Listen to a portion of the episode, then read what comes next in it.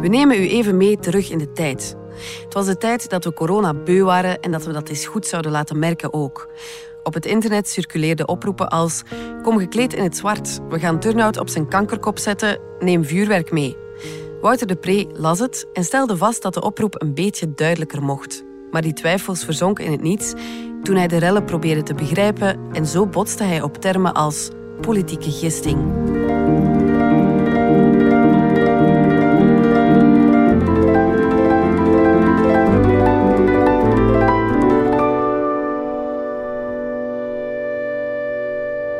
Politieke gisting.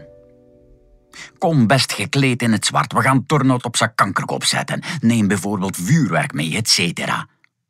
Dat bericht deed de ronde op sociale media.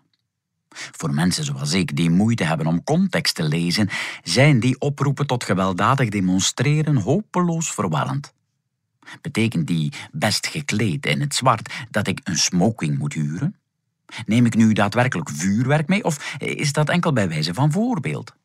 En wat betekent die et cetera?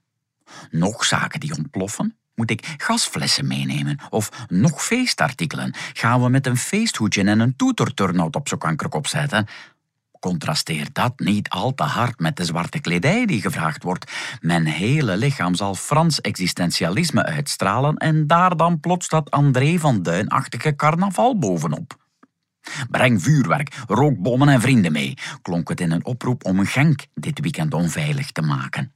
Dat is al wat specifieker, maar de volgorde van wat je moet meebrengen verontrust me. Doordat ze laatst in de rij staan, zullen mijn vrienden het gevoel hebben dat ze minder belangrijk zijn voor mij dan vuurwerk en rookbommen. En dat zal bij sommige vrienden gegarandeerd in het foute keelgat schieten. Heel het centrum gaat dood, vulden de opstellers van de Genkse oproep nog aan. Ik had wel al gemerkt dat het understatement als stijlfiguur zich in de palliatieve fase bevindt. Daartegenover staat de opgang van de hyperbool, die zich dagelijks steiler omhoog moet krommen om nog indruk te maken. Maar tot welk eh, bescheidener geweld dan een slachting van de centrumbewoners wordt hier dan precies opgeroepen? Waarschijnlijk gaat het om de ordinaire plunderingen, brandstichtingen en molotovcocktails, zoals we die ook in Nederlandse steden zagen. In Maasmechelen ging alvast zo'n molotovcocktail knullig tegen de straat. Maar dan ook weer niet knullig genoeg om de ongrappige waarheid te doen vergeten dat hij bestemd was voor het raam van de oud-burgemeester, twintig meter verderop. De woordvoerder van de politie vermeldde dat mensen rondliepen met ploertendoders, dat wapen waarvan je dacht dat het enkel in Suske en voorkwam.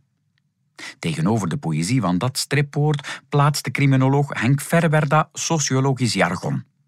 Hadden we hier te maken met massagestuurde, afspraakgestuurde of incidentgestuurde rellen? Op de relschoppers viel geen duidelijke naam te kleven of je zou moeten grijpen naar een ratje toewoord als hutsepot. Hoe anders noem je een bonte verzameling van virusontkenners, avondklokprotesteerders, jonge jongens met een migratieachtergrond en hooligans? Gelukkig leveren zulke rellen naast vernieling ook nieuwe taal op. Historicus Thijs Kleinpaste lanceerde de meest bruikbare bijdrage aan het taalarsenaal rond de rellen met de term politieke gisting. Zijn voorbeelden daarvan situeren zich vooral ter rechterzijde als hij spreekt over opruiing, een aanwakkering van slachtoffergevoel en verwijzing naar een volksgevoel. Maar gebeurt die politieke gisting werkelijk enkel aan de rechterzijde? Zo ziet socioloog Willem Schinkel mannelijkheid als belangrijkste probleem achter de rellen en hun tegenreacties. Ja, een verklaring kan zo algemeen worden dat ze even waterig en werkzaam aanvoelt als een homeopathisch geneesmiddel. En verder zegt Schinkel niet blij te zijn met de vorm van het protest, maar ziet hij door het verschrikkelijke heen iets gebeuren dat moest gebeuren: protest tegen het politieke. Soms verheldertaal en soms versluiertaal, om je slings akkoord te laten gaan met iets onaanvaardbaars. Door het verschrikkelijke heenzien valt in de tweede categorie.